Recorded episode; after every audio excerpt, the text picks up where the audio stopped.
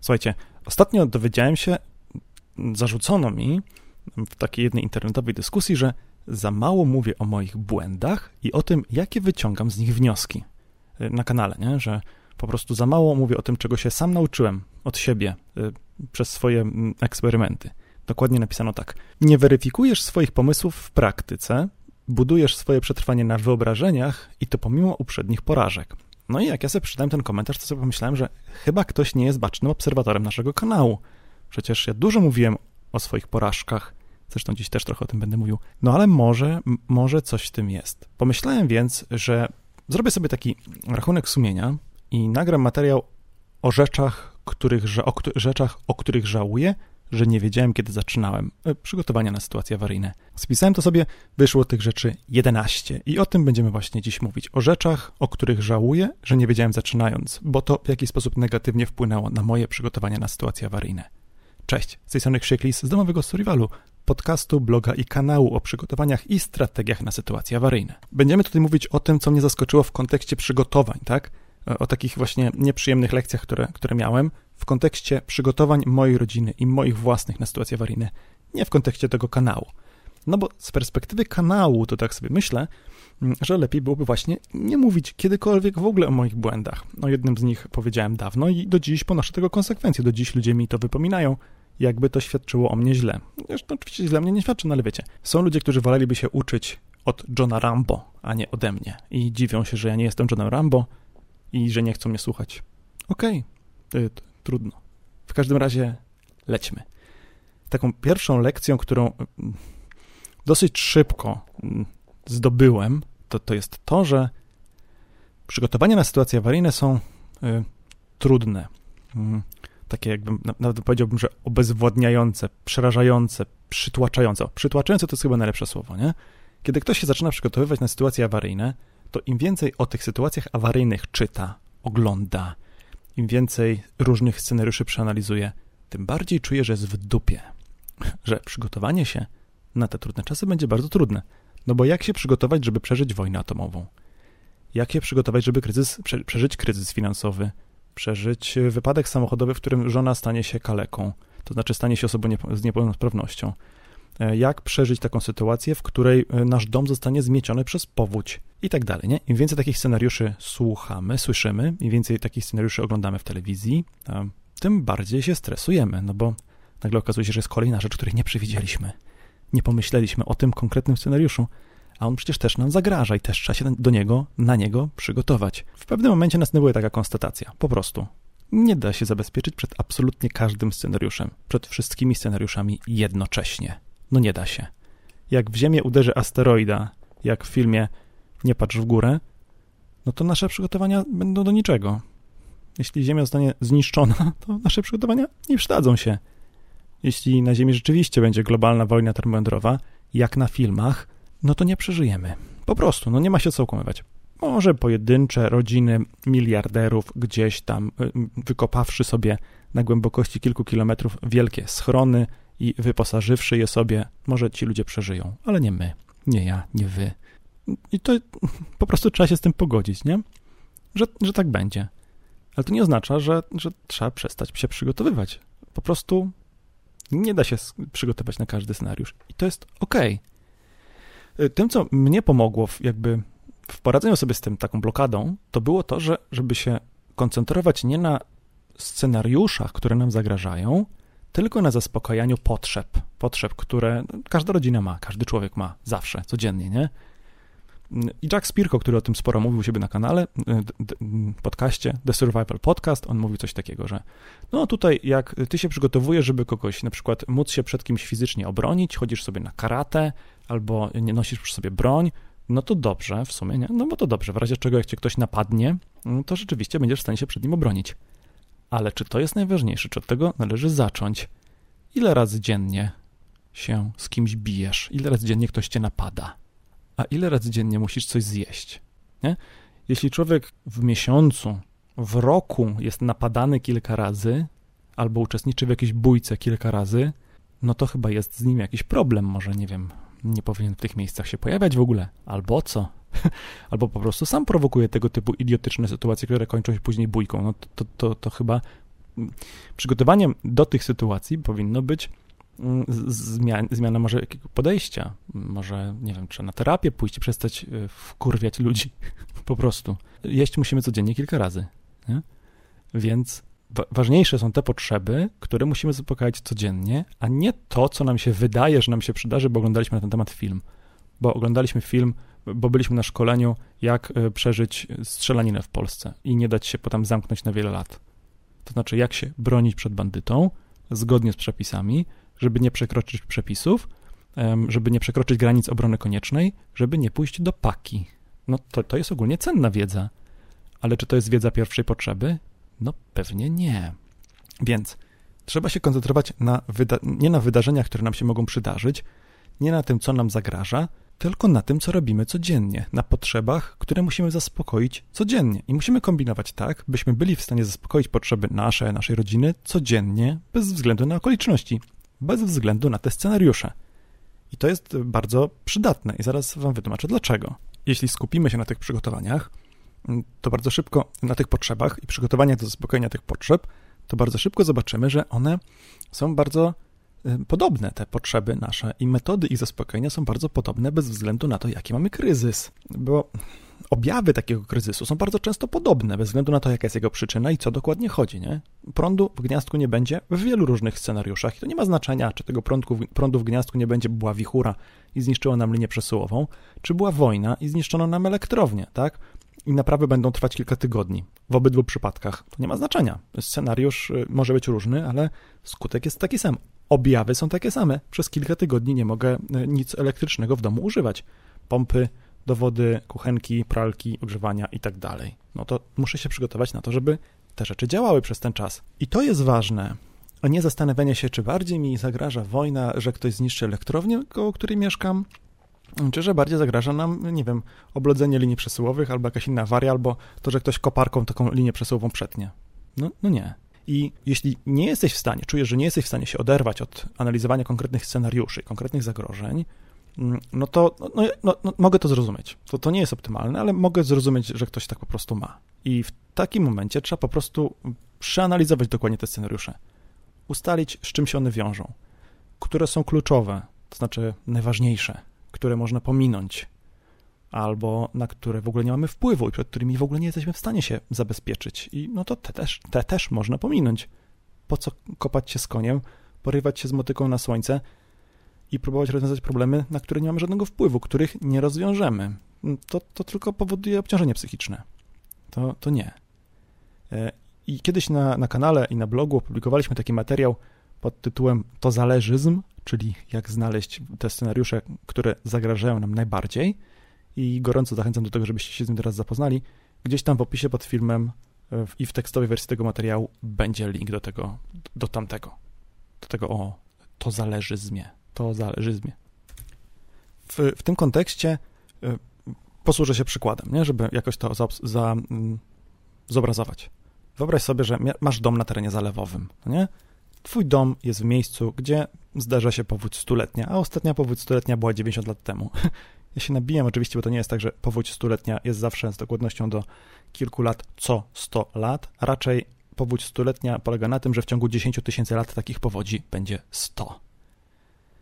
No to jeśli masz dom na obszarze zalewanym regularnie i czujesz, że to niedługo nastąpi, no to logicznym by być, by, by być powinno, żeby się stamtąd wynieść, nie? Przenieść się stamtąd jak najszybciej, sprzedać dom, kupić dom w innym miejscu i tak. Ale jeśli jednocześnie firma, w której pracujesz, twój zakład pracy jest na, jest na krawędzi bankructwa przez jakąś tam post-covidową sytuację, albo może handlowaliście z Rosją, albo handlowaliście z Ukrainą i teraz przez wojnę się nie da, no to to nie jest moment na to, żeby zmieniać dom, żeby brać kredyt hipoteczny, sprzedawać jeden dom, kupować drugi albo budować drugi. W tym czasie, kiedy mieszkasz w pierwszym, jeszcze go spłacasz. No nie, to, to nie jest dobry moment. Mimo, że ważne jest, żebyście się ostatecznie w końcu wyprowadzili z tego miejsca, to nie jest moment, żeby zmieniać, żeby zabezpieczać się w taki właśnie sposób. Trzeba się zabezpieczać na razie inaczej. Porządnie ubezpieczyć dom. E, porządnie w sensie w dobrym towarzystwie ubezpieczeniowym i na odpowiednią kwotę, a nie oszczędzać na tym, że oszczędzisz kilkaset złotych rocznie, ale tam w razie czego nie zapłacą ci za połowę elektroniki, którą masz w domu, bo okaże się, że y, no, no, kwota się skończyła, nie możemy więcej za elektronikę zapłacić.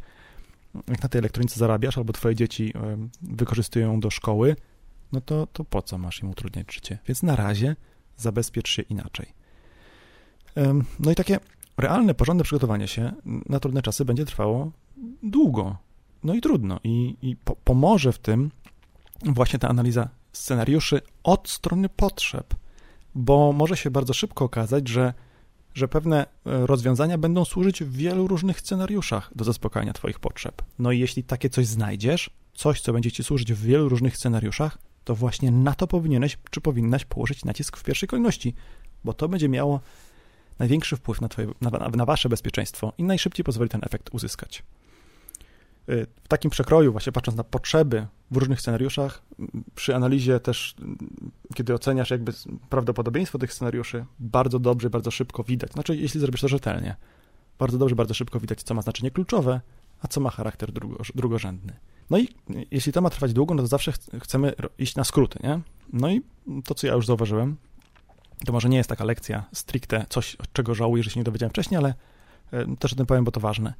Mm, skróty nie zawsze są dobre. To znaczy, skrótem, pójściem na skróty może być kupienie gotowego zestawu przetrwania, zamiast poświęcania roku czy kilku lat na to, żeby sobie samodzielnie taki zestaw wypracować, zobaczyć dokładnie, jaki zestaw potrzebujesz, który nóż będzie najlepszy, jaki kompas będzie najlepszy, która metoda zapalania ognia jest dla ciebie najlepsza i dla twojej rodziny, no to pójściem na skrót jest kupienie gotowego zestawu przetrwania w sklepie.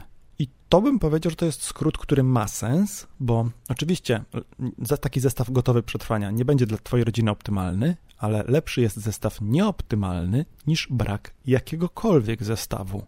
Lepszy jest gówniany nóż, no pomijając takie bardzo gówniane, którym zrobisz sobie krzywdę, ale lepszy jest nie najlepszy, nieoptymalny nóż, który masz, niż zbieranie pieniędzy na jeszcze lepszy, taki, który zaspokoi wszystkie Twoje potrzeby. Będzie super od nożoroba. Zawsze wiem, że lepiej jest kupić tani nóż niż nie kupić drogiego. Więc kupienie taniego y, albo kupienie czegoś gotowego, co nie do końca będzie spełniać Twoje potrzeby, jest skrótem, na który warto często iść.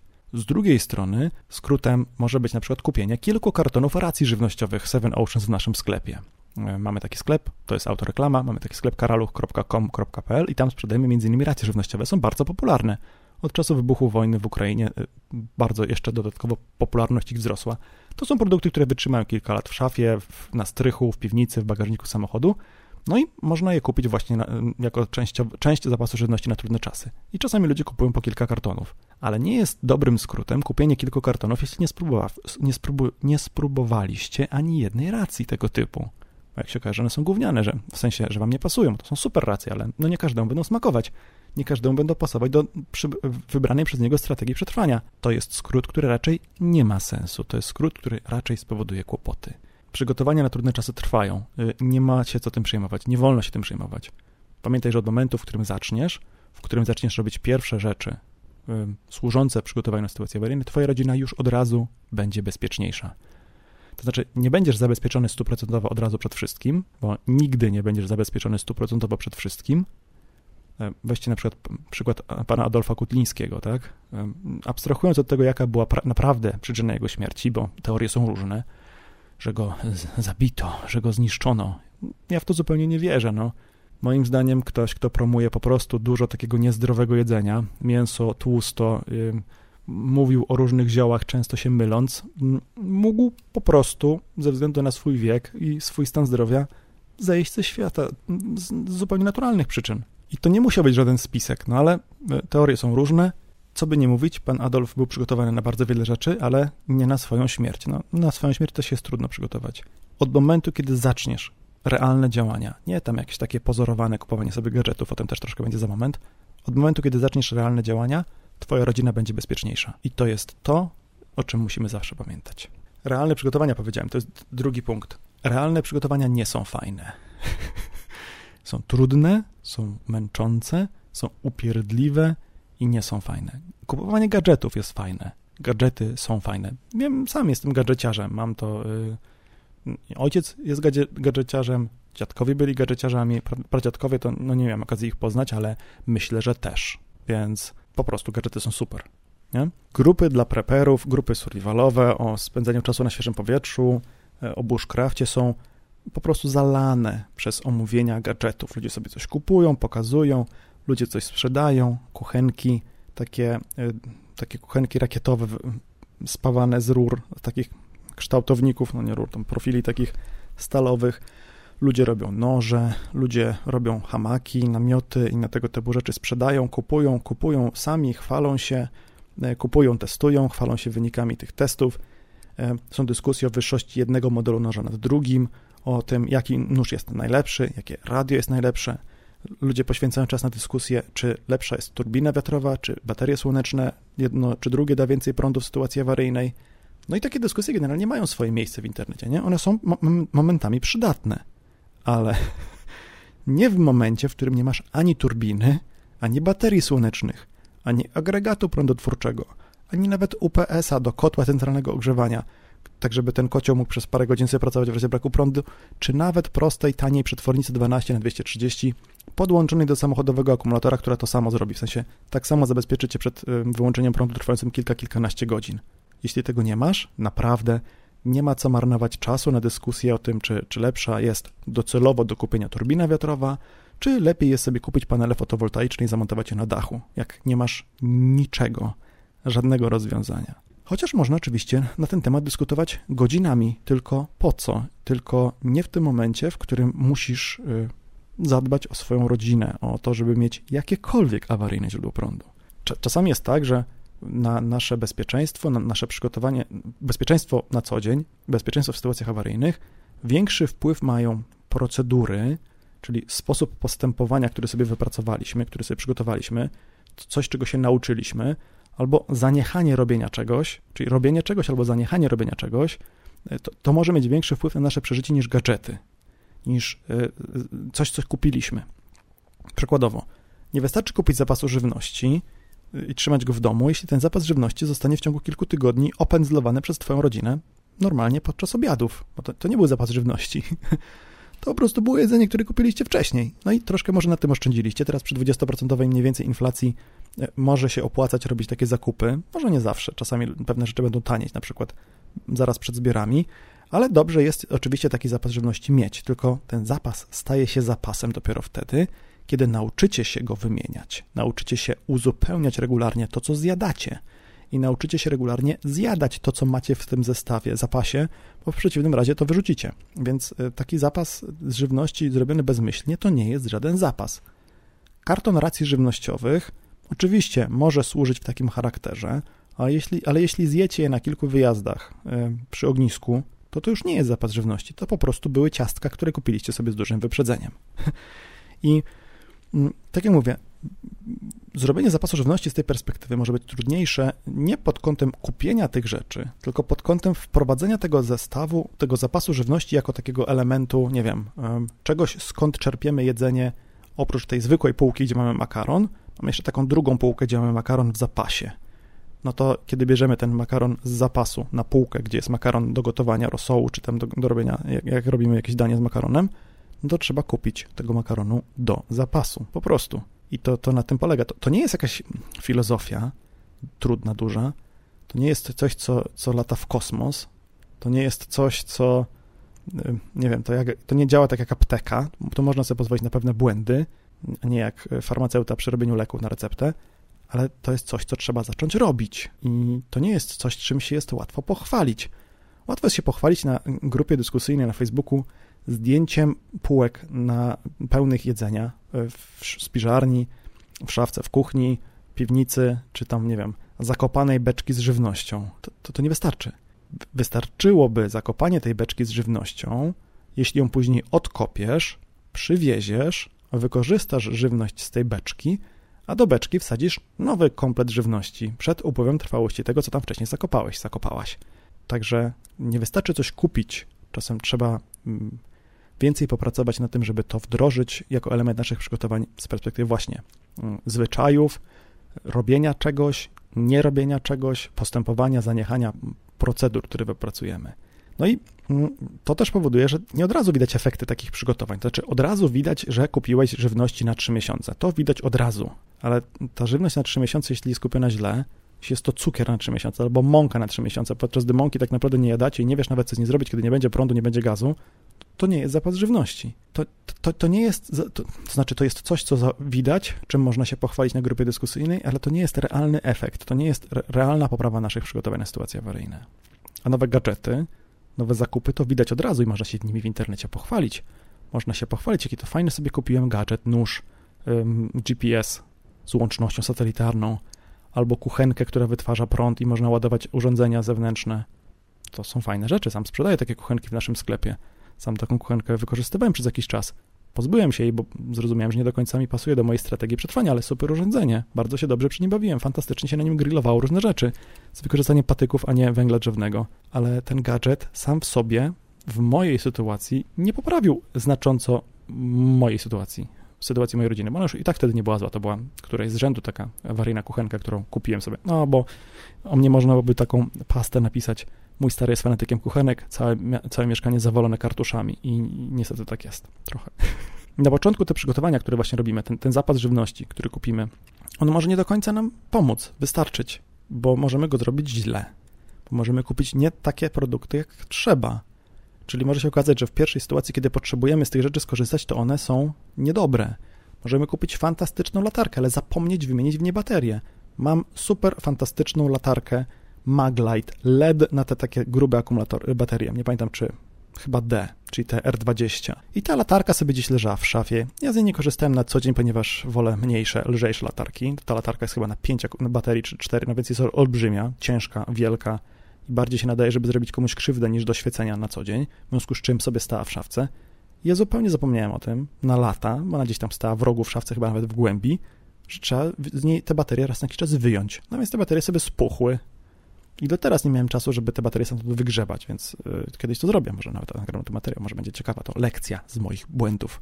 No i gdybym był w sytuacji, w której to byłaby moja jedyna latarka, to w kryzysie nie mógłbym z niej skorzystać. No chyba, żebym rzeczywiście poświęcił ten czas i wygrzebał te, te baterie, nie wiem w jaki cudowny sposób, ale wyciągnąłbym je z tej, z tej latarki, zastąpił nowymi i miałbym działającą latarkę. Ale czy to, że, że ja popełniłem taki błąd, powoduje, że należałoby po tym pierwszym kryzysie zaniechać przygotowania do sytuacji awaryjnej?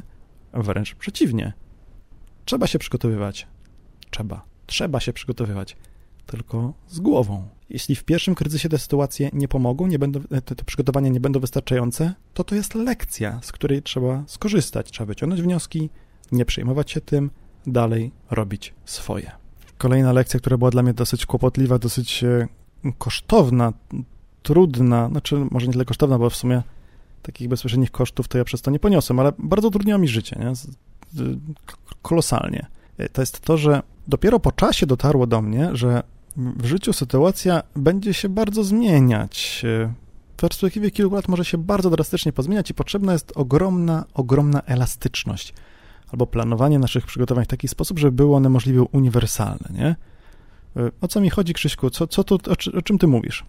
Posłużę się przykładem mojego domku na działce. Domku na działce, który zacząłem budować y, lata temu i ja do dziś tej budowy w zasadzie nie dokończyłem. On do dziś nie jest tak skończony, jak sobie zaplanowałem go ówcześnie, kiedy zaczynałem go budować. E, I, I, chyba trzeba będzie na nim nagrać osobny, o nim nagrać osobny materiał, bo mm, co dużo bym o nim gadał dzisiaj akurat, w sensie, żeby powiedzieć wam, jaka była wizja, dlaczego się to nie udało i tak dalej, więc jak chcecie o tym więcej posłuchać, to e, piszcie wasze komentarze pod filmem albo pod tekstową wersją tego materiału, lub piszcie do nas e, na poczta mapka domowe myślniksurival.pl. To jest akurat adres Artura, ale te maile też trafią do mnie. Więc ten mój domek na działce, który budowałem w czasach, e, kiedy mm, mieszkałem bliżej tej działki, zakładałem, że urządzam się w tamtym mieście, w którym ówcześnie wtedy mieszkałem i że mam cel ewakuacji właśnie na tamtym, w tamtym domku, w tam, na tamtej działce, że tamta działka, tamten domek to jest mój cel ewakuacji na gorsze czasy. I ja nie zakładałem wtedy, że będę z tamtego domku dojeżdżał do pracy, e, do Warszawy, nie? Pracowałem wtedy w Warszawie, mieszkałem pod Warszawą, nie zakładałem, że będę pracować w Warszawie i mieszkać tam na działce, bo było po prostu za daleko od Warszawy, a ja nie znoszę dojeżdżać samochodem do pracy i te dojazdy byłyby dla mnie potwornie, potwornie uciążliwe. Ale dziś praca zdalna jest standardem i tam wprawdzie to dziś nie ma szybkiego internetu po światłowodzie, ale ze Starlinkiem albo z internetem, powiedzmy, mobilnym mógłbym tam pracować, tak myślę. I gdyby mieć tę szansę, gdyby mieć tę szansę pracy zdalnej kilkanaście lat temu, taką jak dziś, naprawdę ówcześnie zaplanowałem sobie zupełnie inaczej strategię przetrwania naszej rodziny. Znaczy, wtedy zakładałbym, że tam trzeba po prostu budować dom. Że tam się trzeba urządzać, że tam trzeba sobie urządzać e, mój dom, moją twierdzę na dziś i na trudne czasy. I to byłoby zupełnie inaczej, nie? No a w tej chwili to ten domek jest mi za bardzo niepotrzebny, bo ani to nie jest e, blisko miejsca, gdzie mieszkam, ani okolica tam nie jest jakaś szczególnie piękna, znam ładniejsze miejsca. E, być może w ogóle bym te, tej działki nie kupił z tej perspektywy, mając tę wiedzę, którą mam dzisiaj, że, że mieszkam w Warszawie, a nie tam, gdzie wtedy mieszkałem, to może bym tej działki w ogóle nie kupował, no ale nieważne, więc e, nawet nie wykluczone, że te działki kiedyś sprzedam, nie? I w zasadzie jedyny, no, to, ta lekcja była kosztowna, bo wydałem pieniądze na to, żeby ten domek zbudować i on mi dziś służy jako przechowalnia gratów różnych, których w zasadzie można by się było po prostu pozbyć w dużej mierze, w dużej części. Więc y, to, to, to nie jest coś, co mojego życia wniosło dużą wartość, a nawet y, sporo kosztowało, więc de facto wartość tej budowli dla mnie jest y, do pewnego stopnia, myślę, ujemna. No ale tak jak mówię, to więcej na ten temat będzie w osobnym materiale, o którym, o którym wspominałem. Jeśli chcecie o nim usłyszeć, o tym domku i całej jego historii usłyszeć, ja tam jakieś zdjęcia wyciągnę, coś wam pokażę, to, to zapraszam, piszcie, to ja to wtedy zrobię. E, no ale do czego zmierzam? Taka elastyczność jest potrzebna, bo, bo bardzo trudno jest przewidzieć pewne rzeczy. Mm, jest taka wizja, że prawdziwy prepar nie powinien mieszkać w mieście, tylko powinien mieszkać gdzieś pod miastem, bo pod miastem na wsi o wiele rzeczy jest dużo prościej. Owszem, ale nie jest na przykład prościej na wsi o lekarza, o karetkę. Więc zakładanie, że będziemy całe życie tam mieszkać i to będzie najlepsze rozwiązanie dla naszej rodziny, nie do końca jest słuszne. Może się okazać, że w pewnym momencie rodzina się, dzieci się wyniosą, pojadą sobie mieszkać do innych państw, gdzieś za granicę i wiecie, e, płodzenie sobie, pło, płodzenie sobie dzieci po to, żeby miał ci ktoś, na, kto na starość podać szklankę wody, to jest e, delikatnie mówiąc skurwysyństwo. Bo to jest po prostu robienie sobie niewolnika, ściąganie na świat człowieka, który ma ci służyć. To jest, e, mówię, skurwysyństwo. Nie wolno tak robić. I no ale są ludzie, którzy tak myślą, myślą tymi kategoriami, budują dom, żeby dzieci z nim mieszkały, te dzieci wcale nie chcą mieszkać. I nagle okazuje się, że człowiek się budzi z ręką w nocniku, ma dom, który musi ogrzać albo musi go sprzedać, bo po prostu nie jest w stanie go utrzymać. W takim kryzysie energetycznym, jaki mamy teraz, bo nie był elastyczny, bo podjął pewne decyzje, które tam jakby tę jego elastyczność zmniejszyły, zmniejszyły jego elastyczność decyzyjną, więc taką elastyczność trzeba mieć. Sytuacja życiowa może się w ciągu kilku lat drastycznie zmienić i trzeba na to reagować. A czasami jest tak, że im szybciej zareagujemy, tym łatwiej nam będzie mm, zrobić dobrą robotę, w sensie mniejsze koszty poniesiemy i łatwiej nam się będzie z tego bagna wygrzebać. Łatwiej było sprzedać ten dom 2-3 lata temu niż teraz, kiedy ludzie, kiedy jest kryzys i ludzie nie mają pieniędzy, żeby brać kredyty, nie? I tutaj może taka mała przerwa na reklamę, bo jeśli słuchacie naszych podcastów w telefonie, nie że w komputerze na YouTube czy tam w komputerze na blogu, tylko w telefonie, warto się zainteresować aplikacją fountain.fm, która pozwala słuchać podcastów na telefonie i zarabiać niewielkie kwoty kryptowalut właśnie na słuchaniu podcastów. To nie są wielkie kwoty, ale jeśli już słuchasz podcastów w telefonie, to lepiej jest to robić w aplikacji Fountain FM i jednocześnie zarabiać te niewielkie kwoty kryptowalut. Możesz sobie je później wypłacić, ale możesz nimi również wspierać swoich ulubionych twórców, na przykład nas. I jeśli y, skorzystasz z poniższego linku, znaczy tutaj kiedy do Was mówię, to nie ma poniżej, powyżej, ale w opisie pod filmem i w tekstowej wersji materiału jest link. Jeśli skorzystasz z tego linku przy zakładaniu konta w aplikacji Fountain FM, to zarówno Ty, jak i my będziemy podczas słuchania zarabiać więcej, do czego Was wszystkich gorąco zachęcam. Koniec reklamy. Idźmy dalej. Taką bardzo trudną dla mnie konstatacją było w pewnym momencie uświadomienie sobie, że naprawdę mam rację, no to zawsze człowiek jak ma rację, to, to się wydaje, że dobrze, nie?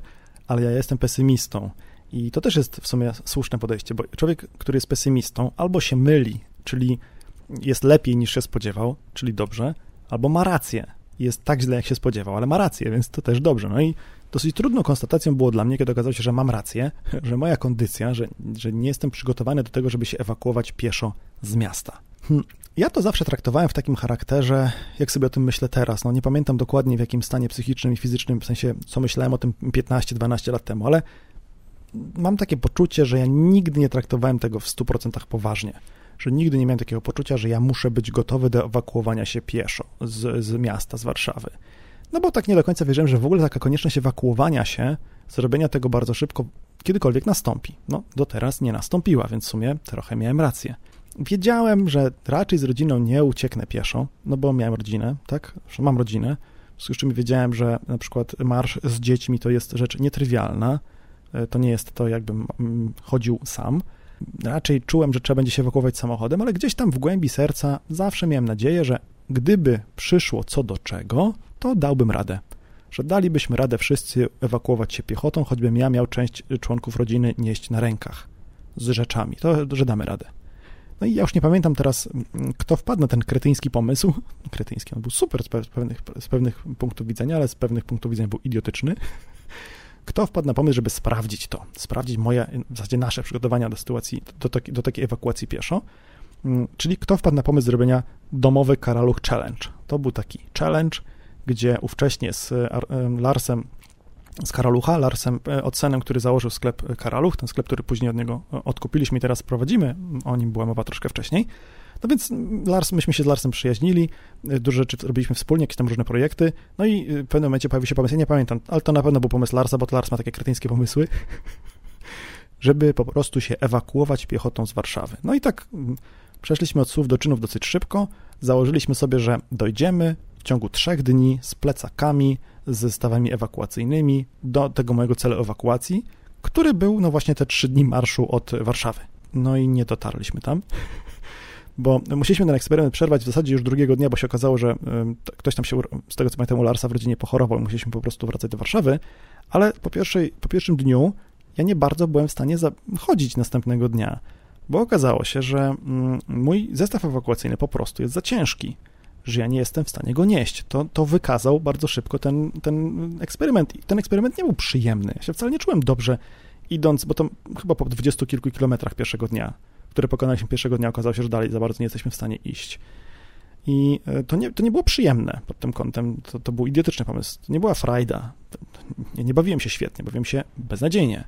No ale gdybym miał doświadczenie schodzenia z plecakiem, nie wiem, był w harcerstwie, albo z rodzicami, gdybym dużo chodził z plecakiem w ramach wakacji, to pewnie bym wiedział, z czym to się wiąże. Pewnie bym wiedział wcześniej, jak ten plecak trzeba pakować, jak dużo rzeczy mogę zabrać, czy kilkanaście kilogramów to jest realne, że ja będę nosił, czy nie, czy ma do tego kondycję, czy moje stawy sobie z tym poradzą. Okazało się, że nie i po prostu nie wiedziałem. Nie? To była trudna, nieprzyjemna lekcja. Żałuję, że nie wiedziałem o tym wcześniej, bo gdybym wiedział o tym wcześniej, to od razu bym się zaczął do tego przygotowywać, a nie dopiero mm, zderzył swoje oczekiwania z rzeczywistością w taki niefajny sposób. No i po tym eksperymencie, który do dziś mi jest wypominany gdzie gdzie właśnie to jest to, co powiedziałem na początku, że e, z perspektywy tego kanału, tego bloga, to lepiej byłoby o pewnych rzeczach w ogóle nie mówić udawać, że ten eksperyment wyszedł super, że był bardzo trudny, że się strasznie zmęczyliśmy, ale daliśmy radę i jesteśmy fajni i można się od nas tego uczyć. My możemy was tego uczyć. Wiecie, jest prawda czasu i prawda ekranu, który o tych czasach mówi. YouTube, wideo, ogólnie materiał wideo wytrzyma wszystko. Można pokazać wszystko. Tylko no ja akurat chciałem być transparentny, chciałem być uczciwy w tym, w tym, w tym ujęciu, ponieważ ja wierzyłem, zresztą do dziś wierzę, że uczciwe mówienie o, o tym, co jest trudne, pomaga ludziom, że ludziom bardziej pomoże pokazanie, że to jest trudne i musicie to sobie sami dobrze przygotować, niż udawanie, że wyszło mi to świetnie i jest to bardzo łatwe. Y, znaczy, to dla było łatwe, ale dla was byłoby trudne. Wiecie, no to, to, to jest idiotyzm, nie? W każdym razie, kiedy się o tym przekonałem, no to za punkt honoru postawiłem sobie, żeby się po prostu poprawić w, tej, w tym obszarze i żeby ten eksperyment wyszedł lepiej. I poświęciłem mnóstwo czasu na to, żeby poprawić moją kondycję, żeby poprawić moją zdolność do chodzenia.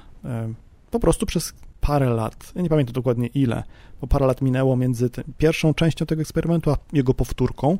Przez co najmniej rok, jeśli nie półtora albo dwa lata, chodziłem regularnie z pracy do domu kilka kilometrów codziennie piechotą. Po to, żeby się przygotować.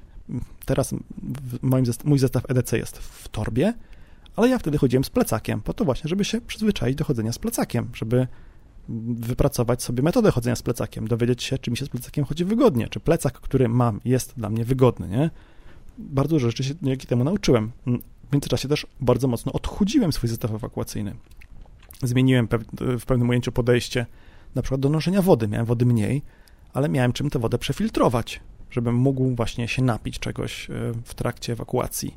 No, nie mogę powiedzieć. Mimo wszystko, nie mogę powiedzieć, żebym dalej uważał to za dobry sposób ewakuacji, bo to, że ja byłem w stanie to zrobić, nie oznacza wcale, że będę w stanie to powtórzyć, brzydko mówiąc, z rodziną na karku, mając rodzinę pod opieką. Więc takie eksperymenty, jak, jak na przykład ten eksperyment, który zrobił Kuba Dorosz, uciekając samodzielnie wykonaną łódką, Wisłą, płynąc Wisłą, nie? To bardzo fajny materiał. Ja z, z wypiekami na twarzy oglądałem, no dobra, nie z wypiekami na twarzy, ale z, z ogromnym zaciekawieniem oglądałem ten przygotowany przez niego materiał. Patrzyłem, jak się chłopak męczy. No, było to dla mnie bardzo pouczające. Ale potem pomyślałem sobie, że kurczę, to ja nie widzę siebie i swojej rodziny w takim scenariuszu.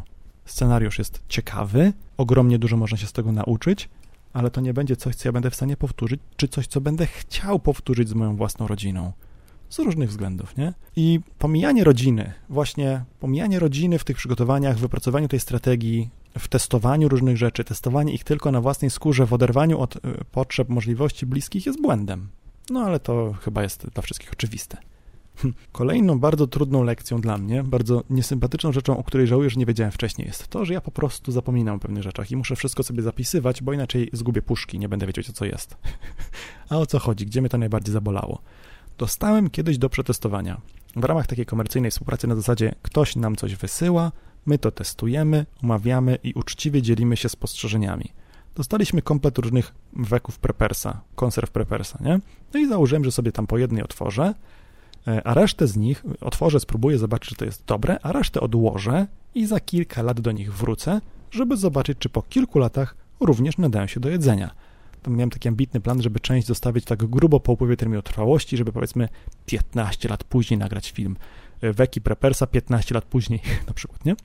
No i odłożyłem część tych konserw. Czas minął, ja jestem od czasu do czasu pytany, gdzie jest druga część tego materiału. Drugiej części tego materiału nie będzie, bo ja nie wiem, gdzie są te puszki. Nie wiem, gdzie je wtryniłem. Czy ja je komuś dałem, żeby mi je przywiózł, czy ja je gdzieś wsadziłem. No na pewno ich nigdzie nie zakopałem, bo to bym pamiętał. Mm, jak zakopywałem rzeczy, to pamiętałem zwyczaj jakie. Puszek tego typu, tych, tych konkretnych puszek tam nie było. No kompletnie nie wiem, gdzie są te rzeczy. Zgubiłem już ich nie znalazłem. Najprawdopodobniej zginęły najzwyczajniej w świecie podczas którejś przeprowadzki, mm, bo ja się od tamtego czasu przeprowadzałem parę razy, chyba dwa albo trzy, już nie pamiętam dokładnie, kiedy to było. Nie pamiętam dokładnie, gdzie ja je miałem, kiedy je testowałem, w sensie, no to testowałem to na działce, to widać, ale ja je chyba stamtąd zabrałem potem, bo nie chciałem ich mieć tam. Bałem się, że zardzewieją te puszki w takim domku, w którym jest trochę wilgoci. Puszki to nie jest za dobry sposób przechowywania żywności w miejscu, gdzie może być wilgoć, więc ja sobie zabrałem. Dokąd je zabrałem? Nie wiem. Po prostu zupełnie nie wiem, gdzie są. I to jest bardzo dobra, ale przykra nauczka na przyszłość, że po prostu zapisywać takie rzeczy. Zapisywać sobie. Na przykład w kalendarzu zapisać sobie, gdzie się te rzeczy włożyło i w kalendarzu zapisać sobie, żeby nagrać drugą część tego materiału za jakiś czas. Nie wiem, czy dla Was też, y, dla mnie bardzo taką lekcją, bardzo poważną lekcją, poważnym źródłem lekcji były te ostatnie kryzysy. Kryzys energetyczny, kryzys covidowy, koronakryzys i wybuch wojny w Ukrainie. Czy jak niektórzy upierają się, żeby mówić na Ukrainie. Ja mówię w Ukrainie, ponieważ obie formy są równie poprawne, a wersja w Ukrainie jest troszkę lepsza z, moich, y, z mojej perspektywy. Nieważne, do czego zmierzam te, te, te trzy kryzysy, koronakryzys, wojna w Ukrainie, kryzys energetyczny, pewne rzeczy mi pokazały. I pewne rzeczy na przykład pokazały też, y, jakie rzeczy będą znikać ze sklepów. I o tym był jeden z ostatnich materiałów. Gorąco zachęcam Was do jego obejrzenia lub odsłuchania. To jest lista y, opracowana przez Ceneo, lista y, kategorii, które znacznie zwiększyły swoją popularność właśnie po wybuchu wojny i w sierpniu tego roku, kiedy ludzie zaczęli bać się, że nie będzie opału. No i ja na przykład podczas koronakryzysu mogłem zarobić miliony monet, mogłem zarobić naprawdę olbrzymie pieniądze, gdybym tylko odpowiednio wcześnie zamówił w Chinach kontener maseczek, albo nawet nie kontener, tylko 50 kartonów tych maseczek, paletę maseczek i po prostu je sobie sprzedawał z dużą przebitką, która rosłaby w czasie, no bo im później, tym było drożej. Ja tymczasem e, miałem oczywiście zapas takich maseczek na nasze własne rodzinne potrzeby i korzystaliśmy z niego z tego zapasu maseczek. Z dzisiejszej perspektywy, kiedy no, wszyscy młodzi ludzie u mnie w rodzinie przeżyli, można byłoby prawdopodobnie powiedzieć, że to, to nie, nie było takiej potrzeby noszenia tych maseczek, nie? że prawdopodobnie nikt z nas by nie umarł, nikt z nas by nie zachorował, gdybyśmy nie zmienili w swoim postępowaniu niczego, oprócz tego noszenia maseczek. No ale to jest nieważne, nie? Nie wiedzieliśmy o tym na początku. Nie było od razu wiadomo, jak ten koronakryzys się będzie rozwijał.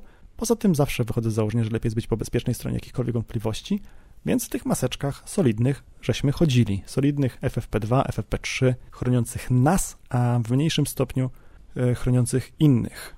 W mniejszym stopniu, no bo zaworek wydechowy nie powstrzymuje, mm, nie, filtruje powietrza na wyjściu z maseczki. On, ta, ta maseczka filtruje, półmaska filtruje na, wej, na wejściu przy, przy wdechu. Nieważne. W każdym razie, miałem zapas tych maseczek w domu, ale te maseczki u nas w sklepie sprzedawały się tak sobie.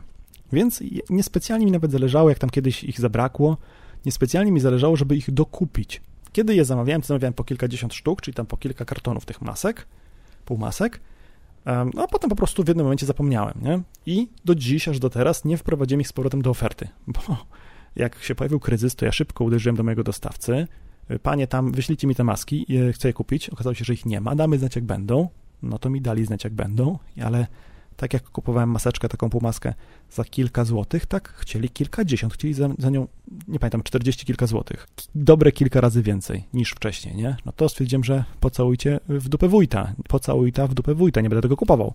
Nie kupiłem i nie kupiłem do teraz. Dlaczego ta lekcja była dla mnie istotna jakie, i jakie ona miała znaczenie? No to znaczenie ma takie, że po pierwsze mogłem zarobić więcej pieniędzy, ale to jest akurat kwestia wtórna, ale mm, nas, nam maseczek wystarczyło, ale nie bardzo byłem w stanie pomóc, podzielić się z bliskimi, tymi troszkę dalszymi bliskimi, wspomagając ich naszymi maseczkami.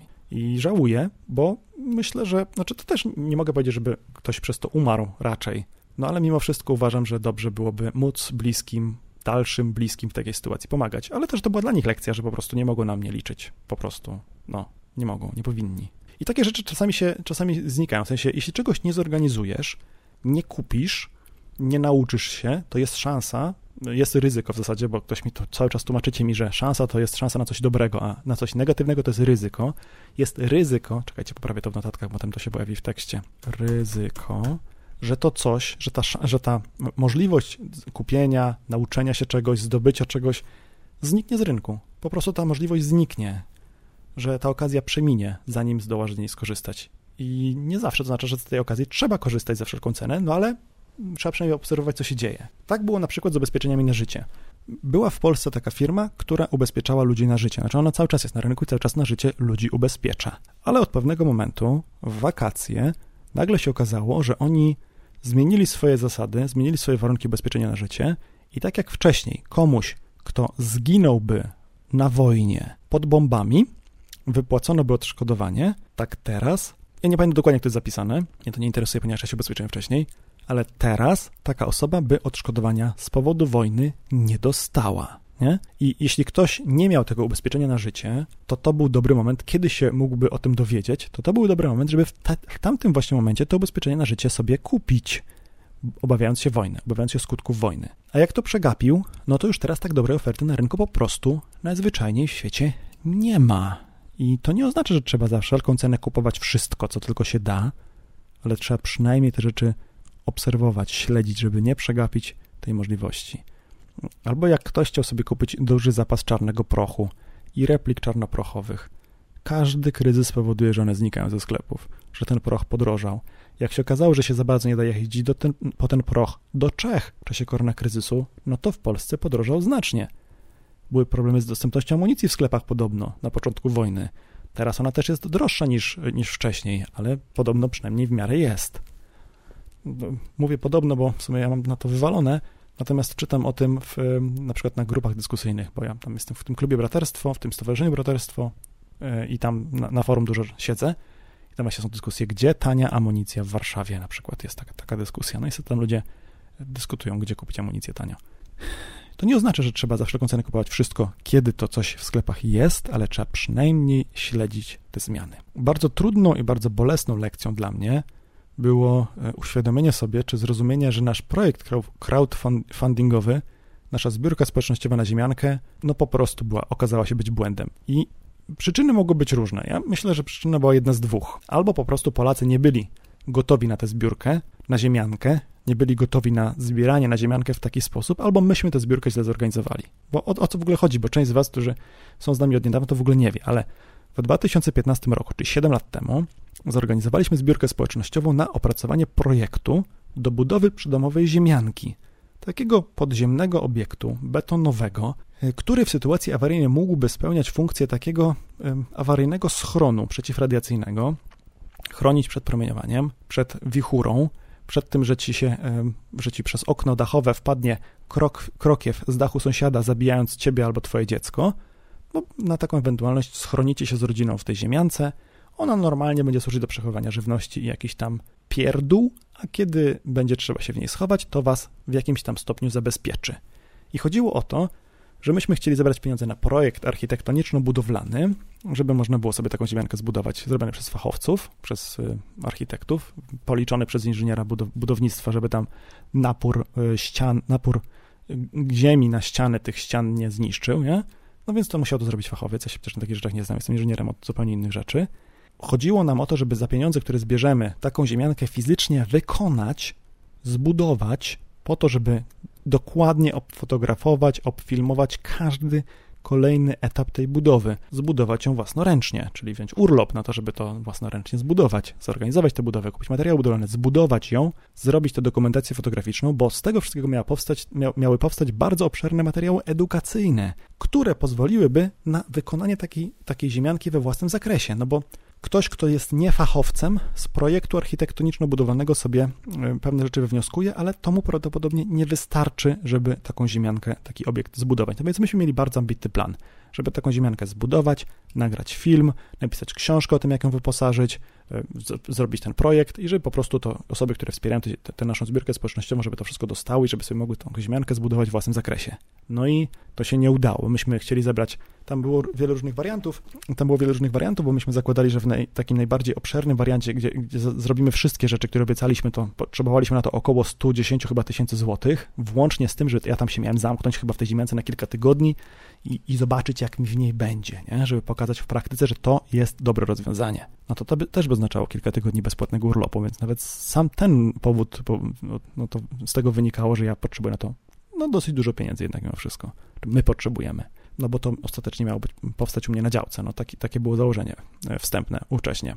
No okazało się, że zebraliśmy pieniędzy znacznie, znacznie mniej, bo kilka tysięcy złotych, co wystarczyło na ten projekt i to nawet nie w całości, w sensie zebraliśmy mniej niż potrzeba na ten projekt, no ale udało się ten projekt architektoniczno-budowlany zrobić i po prostu go wysłaliśmy ludziom.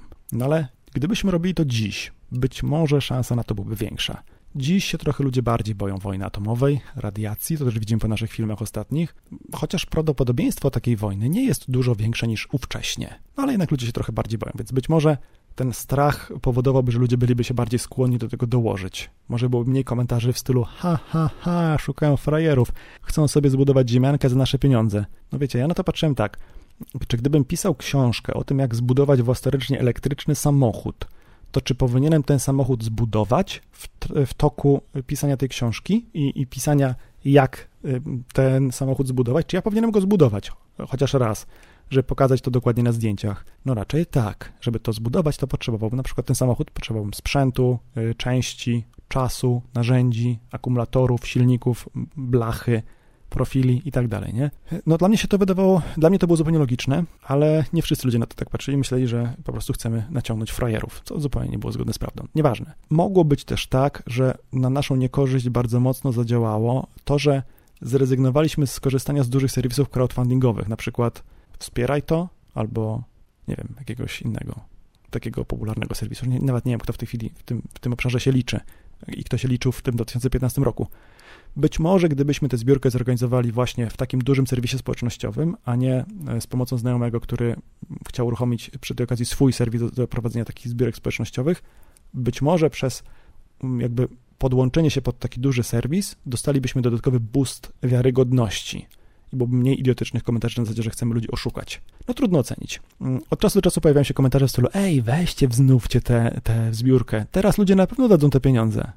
Tylko, że takie komentarze nigdy nie zaczynają się od ej, słuchajcie, ja chcę dać pieniądze na tę zbiórkę, odpalcie ją ponownie. To raczej są na zasadzie ej, weźcie, niech ktoś zrobi. Niech ktoś. Szybko, szybko, niech ktoś. Mm, to, to nie, nie będzie tak działało.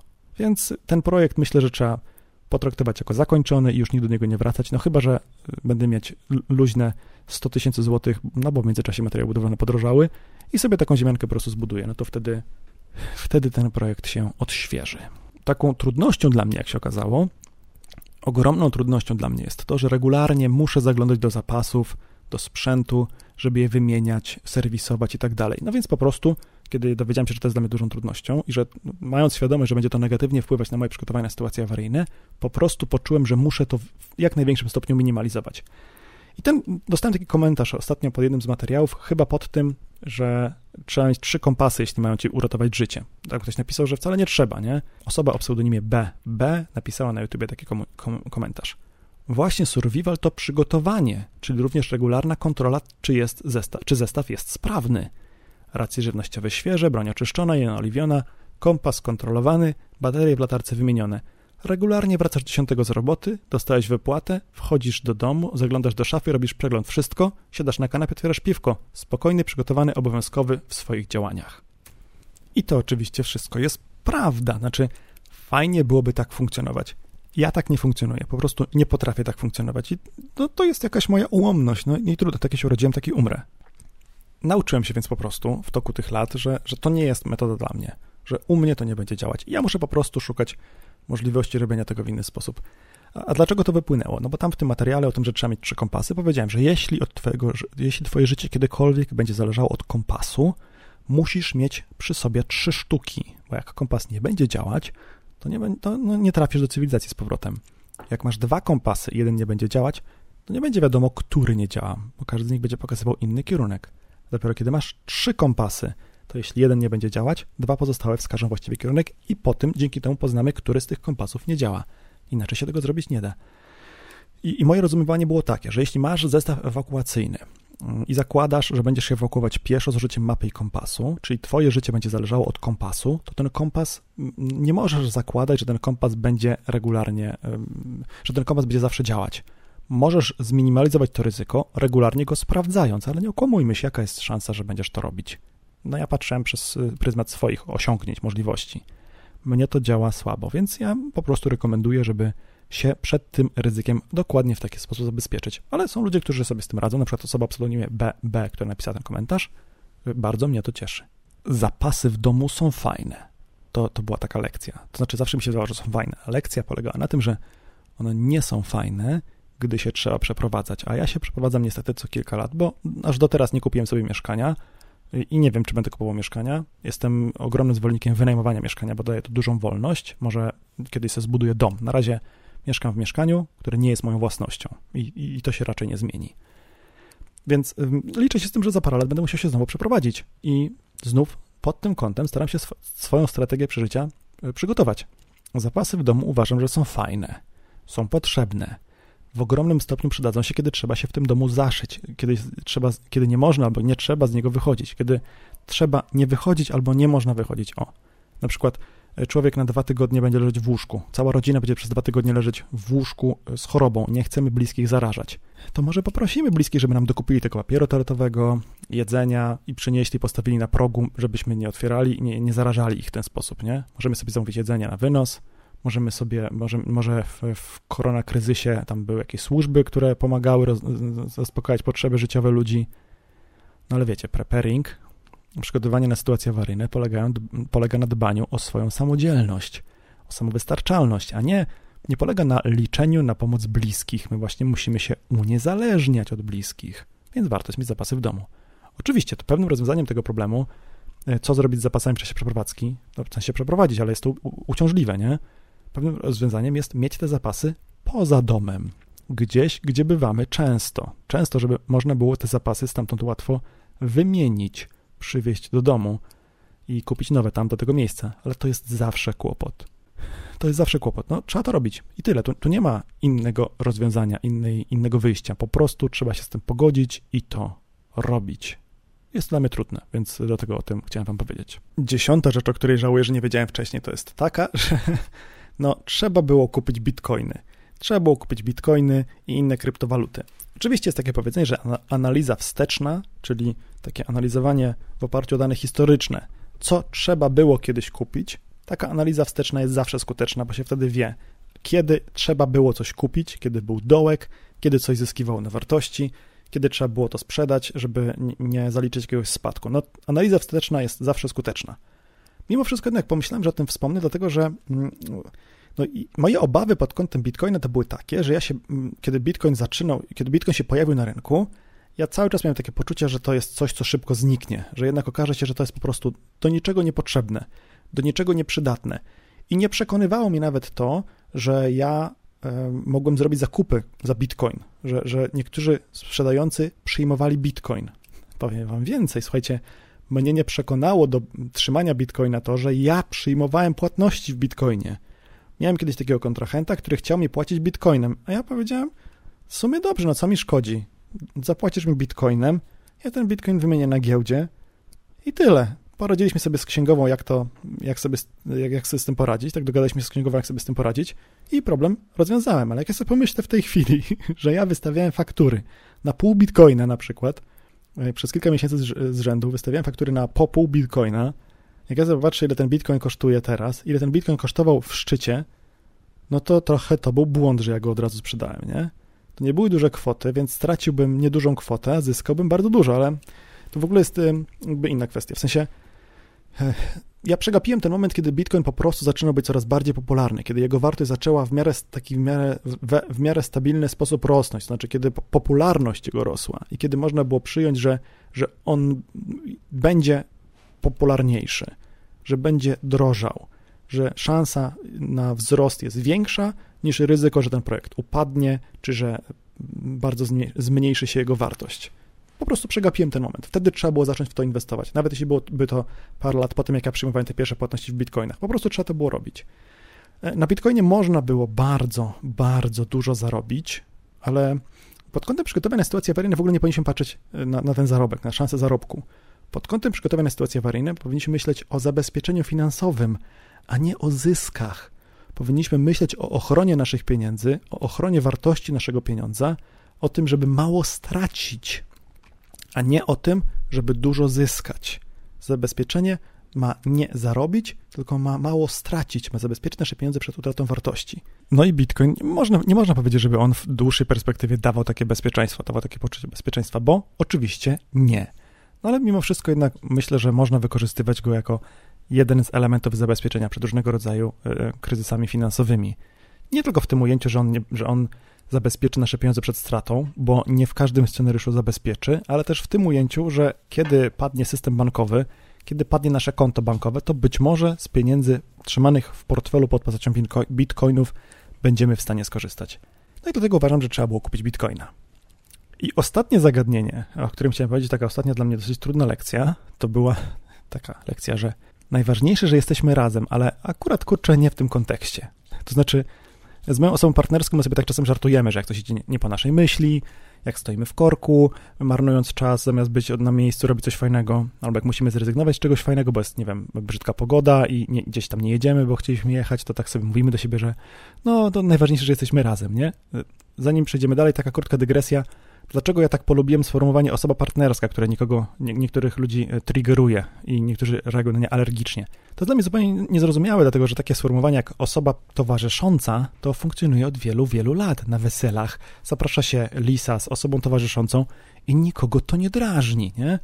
Ja się posługuję sformułowaniem osoba partnerska, dlatego że z perspektywy naszego kanału nie ma dla was żadnego znaczenia. Nie ma znaczenia dla tego, o czym mówię.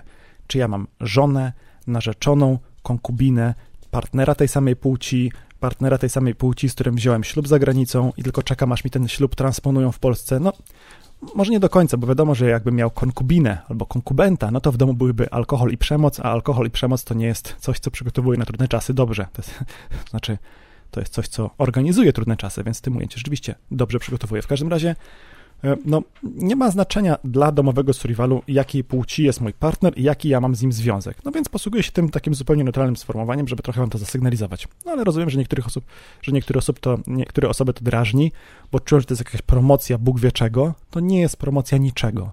To jest po prostu sygnalizowanie, że to zupełnie nie ma żadnego, absolutnie żadnego znaczenia. No więc tak, rzeczywiście jesteśmy w tym razem, no nie?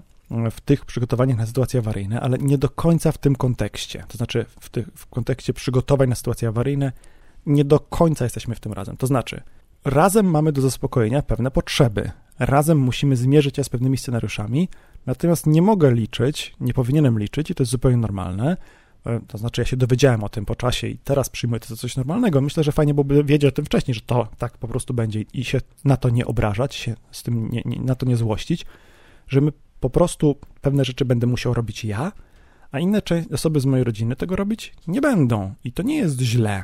Po prostu tak jest, no. Miałem nadzieję, że tą zajawką, że moimi pomysłami, że moimi planami, że takim bardzo intensywnym momentami myśleniem o tym, e, niekiedy podporządkowywaniu pewnych, pewnym kierunkom zmian, jakichś tam decyzji. No, nie będę teraz zamyślał jakichś przykładów, bo nic mi do głowy konkretnego nie przychodzi, ale e, ja, ja myślałem, że jakby pewne rzeczy robiąc pod kątem trudnych czasów, będę w stanie moich bliskich do tego zaangażować, do tego zachęcić, y, przekazać im tę moją zajawkę. No i okazało się, że po prostu nie. Jeśli jedna osoba ma w rodzinie zajawkę na przygotowanie się na sytuacje awaryjne, na opracowywanie strategii przetrwania tych sytuacji awaryjnych, a reszta członków rodziny jej nie podziela, to to jest zupełnie normalne. Może się po prostu tak zdarzyć. No i w takiej sytuacji ta osoba, która ma zajawkę, czyli ja w naszym przypadku, musi wziąć na siebie odpowiedzialność za całą rodzinę. Po prostu musi wziąć na siebie zadbanie o potrzeby rodziny i, i tyle.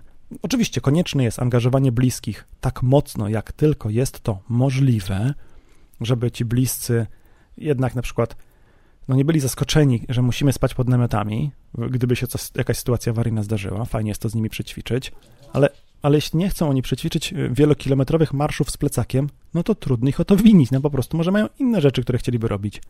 I trzeba ten problem po prostu jakoś rozwiązać teraz na przykład zatrzymałem nagrywanie, żeby nakarmić psa, bo nikt inny z domowników nie mógł tego zrobić. Czy było to dla mnie utrudnieniem? Owszem, ale nie było innej możliwości. Po prostu musiałem się zatrzymać, zatrzymać nagrywanie i nakarmić psa. I tyle. Dokładnie tak należy do tego podchodzić. Jeśli nasi bliscy będą mieli zajawkę na jakąś część naszych przygotowań na sytuacje awaryjne, nie wiem, strzelam. W jakiejś rodzinie może być tak, że że ktoś ma fioła na punkcie broni i tą, tym fiołem na punkcie broni zarazi inne osoby, że będą z wielką przyjemnością jeździć na strzelnicę.